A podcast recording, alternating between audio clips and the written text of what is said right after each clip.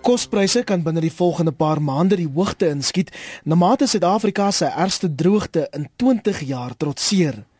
Landboukenners waarsku dat die stygings tot dusver van jaar van 70% in die plaaslike prys van witmielies en 70% vir geelmielies nie uitkoms vir boere bied nie. Die stygings sal vinnig deurwerk na die verbruiker toe en hier by ons in die ateljee is senior ekonom by Graan SA Corneil Lou. Môre Corneil. Môre Iwer, môre luisteraars en veral môre aan die graan en oliesade produsente van die land en ook die ander uh, produsente wat elke oggend vroeg uit die vere uit is om te sorg dat ons in in die land uh, genoeg kos op ons tafels het. Maar julle het nou die land bietjie bekommerd. Hoekom voorspel julle dat kospryse sal styg? Man, Iwer soos jy in jou inleiding genoem het, Witmielies het ehm um, jaar op jaar 70% gestyg.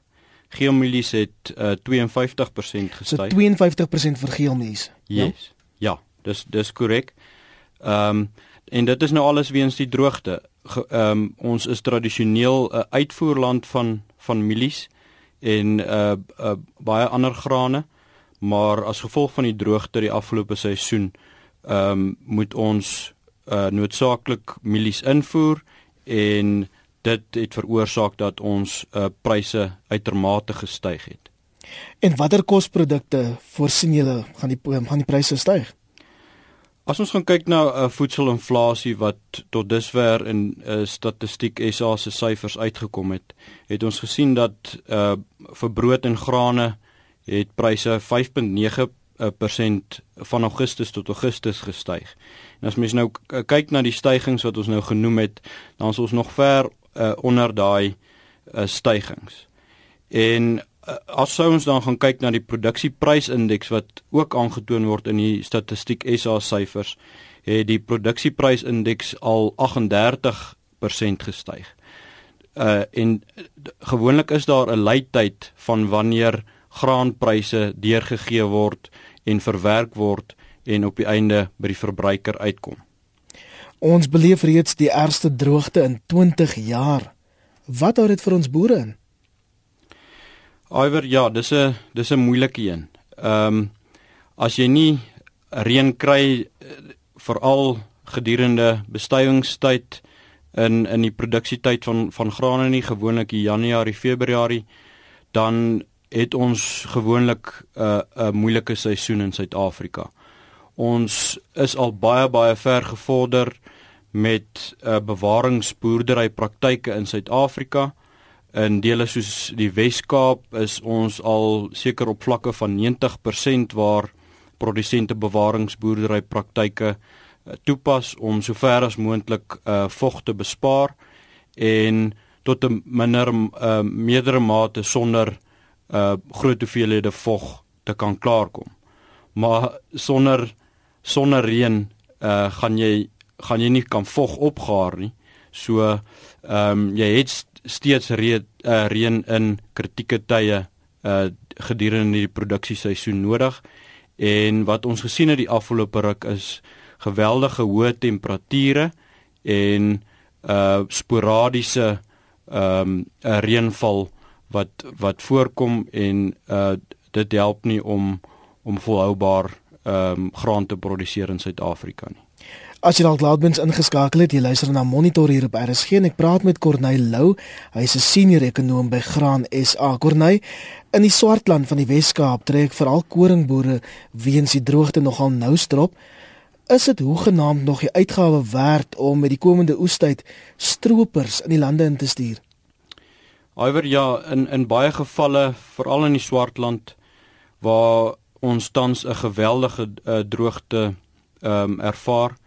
Uh daar's van ons produsente wat aan my noem dat hulle vir Augustus en September slegs 7 mm uh, reën ontvang het en tydens blomtyd vir koring is is vog baie belangrik en uh, uh daar's daar's uh, daar's instansies wat noem dat die Swartland die droogste winter in 70 jaar beleef. So dit is so daar is al produsente in die Swartland wat al hulle koring plat gesny het vir vir kuilvoer wat basies opgegee het dat hulle die die koring gaan stroop vir graan. En meeste van die uh, produsente en instansies in die Swartland verwag dat ons ten minste uh, minder as die helfte uh, op die einde uh, koring in die Swartland gaan stroop. En net om vir die luisteraars 'n idee te gee van die omvang, die Swartland plant so 65% van die hele Wes-Kaap se area onder onder koring. So dit is nog nogals 'n uh, noemenswaardige impak wat wat hierdie droogte in die Swartland kan hê. Maar tegnies gesproke is pryse reeds op die hoogste vlakke. Kan 'n verdere droogte 'n verdere impak op die pryse hê? Iwer ja, ehm um, dis dis altyd 'n moeilike een om te antwoord soos jy gesê het as ons reeds op invoerpariteit gewoonlik is produseer ons uh, grane soos soos mielies op uitvoerpariteit omdat ons genoeg vir die land produseer. Die afgelope seisoen omdat ons 'n droogte gehad het en 'n tekort gehad het en dan moet grane invoer, is ons pryse van mielies en nog altyd koring uh, reeds op invoerpariteit. So mense sou nie verwag sou jy genoeg graan in die wêreld beskikbaar hê dat jou pryse hoër as invoerpariteit behoort te styg nie. Dis 'n tegniese berekening, ja. maar ehm um, prakties gesproke sou daar genoeg ehm um, grane in die wêreld beskikbaar is soos wat heidaglik die geval is, behoort pryse nie deur die invoerpariteit vlakke oor 'n 'n langtermynperiode te breek nie. Ons voer reeds die helfte van ons koring en ook heelwat mielies in. Hoekom is dit nodig om so woes uit die buiteland in te voer, Corneil? Alhoewel soos genoem, ons kom nou uit 'n 'n 'n redelike 'n kwaai droogte uit. Ehm um, dis nou al seker 2 uit die afgelope 3 jaar wat die westelike gedeeltes van die land al droogte ervaar.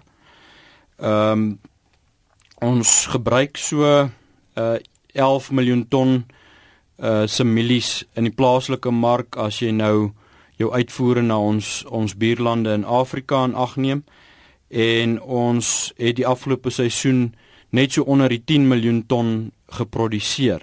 So dit wil vir jou sê ons ons is in 'n negatiewe situasie wat wat voorraad aanbetref en dit is hoekom ons dan voorsien dat daar uh, mielies ingevoer moet word vir ons plaaslike gebruik. En die randwisselkoers doen ook nie te waffers nie. Hoe beïnvloed dit die prys van sê net maar vleis, brood, graankos in die volgende paar maande? Nee, verseker nie. Ehm um, verlede jaar Oktober was die rand dollar wisselkoers R11.8. Tans is hy R13.54. So dis 'n verswakking van 22%. Nou jy kan maar net dink as ek 'n voorbeeld kan gebruik, die mielieprys kon internasionaal net sywaarts beweeg het, dan sou ons reeds in Suid-Afrika 'n stygings van 22% jaar op jaar gesien het as gevolg van die wisselkoers. En omdat ons nou so groot hoeveelheid van ons uh voedselprodukte moet invoer, gaan die wisselkoers 'n wesenlike impak op ons voedselinflasie ook ook hê. En as mens gaan kyk na ons uh landbouinsette wat ons reeds tot 'n baie groot mate moet invoer, is die wisselkoers definitief op hierdie stadium 'n uh, 'n klip in ons skoen. Voordat ek jou groet, as jy nou so met die boere praat, wat sê hulle vir jou? Baie bekommerd? Man, boere is 'n ongelooflike 'n uh, deel van ons uh, populasie. Ehm um, ek ervaar steeds geweldige positiwiteit uh ons boere kyk tog na weervoorspellers um, om om te weet wat aangaan maar ons boere is meeste van die tyd op hulle knieë en ons weet uh wie is in beheer van die weer. So ek ervaar tans dat ons veral ons graan en oliesade produsente nog uh baie positief is. Uh hier en daar uh, sukkel uh van die produsente om finansiering te kry as gevolg van die afgelope 2 uit 3 jaar se se se swak oeste en droogtes. Maar iwer ek moet sê ek ervaar nog uh dat ons produsente uh hoop het en en uitkyk vir vir 'n uh, goeie seisoen wat wat voorlê. Baie dankie so sê Corneil Lou, hy's 'n senior ekonom by Graan SA.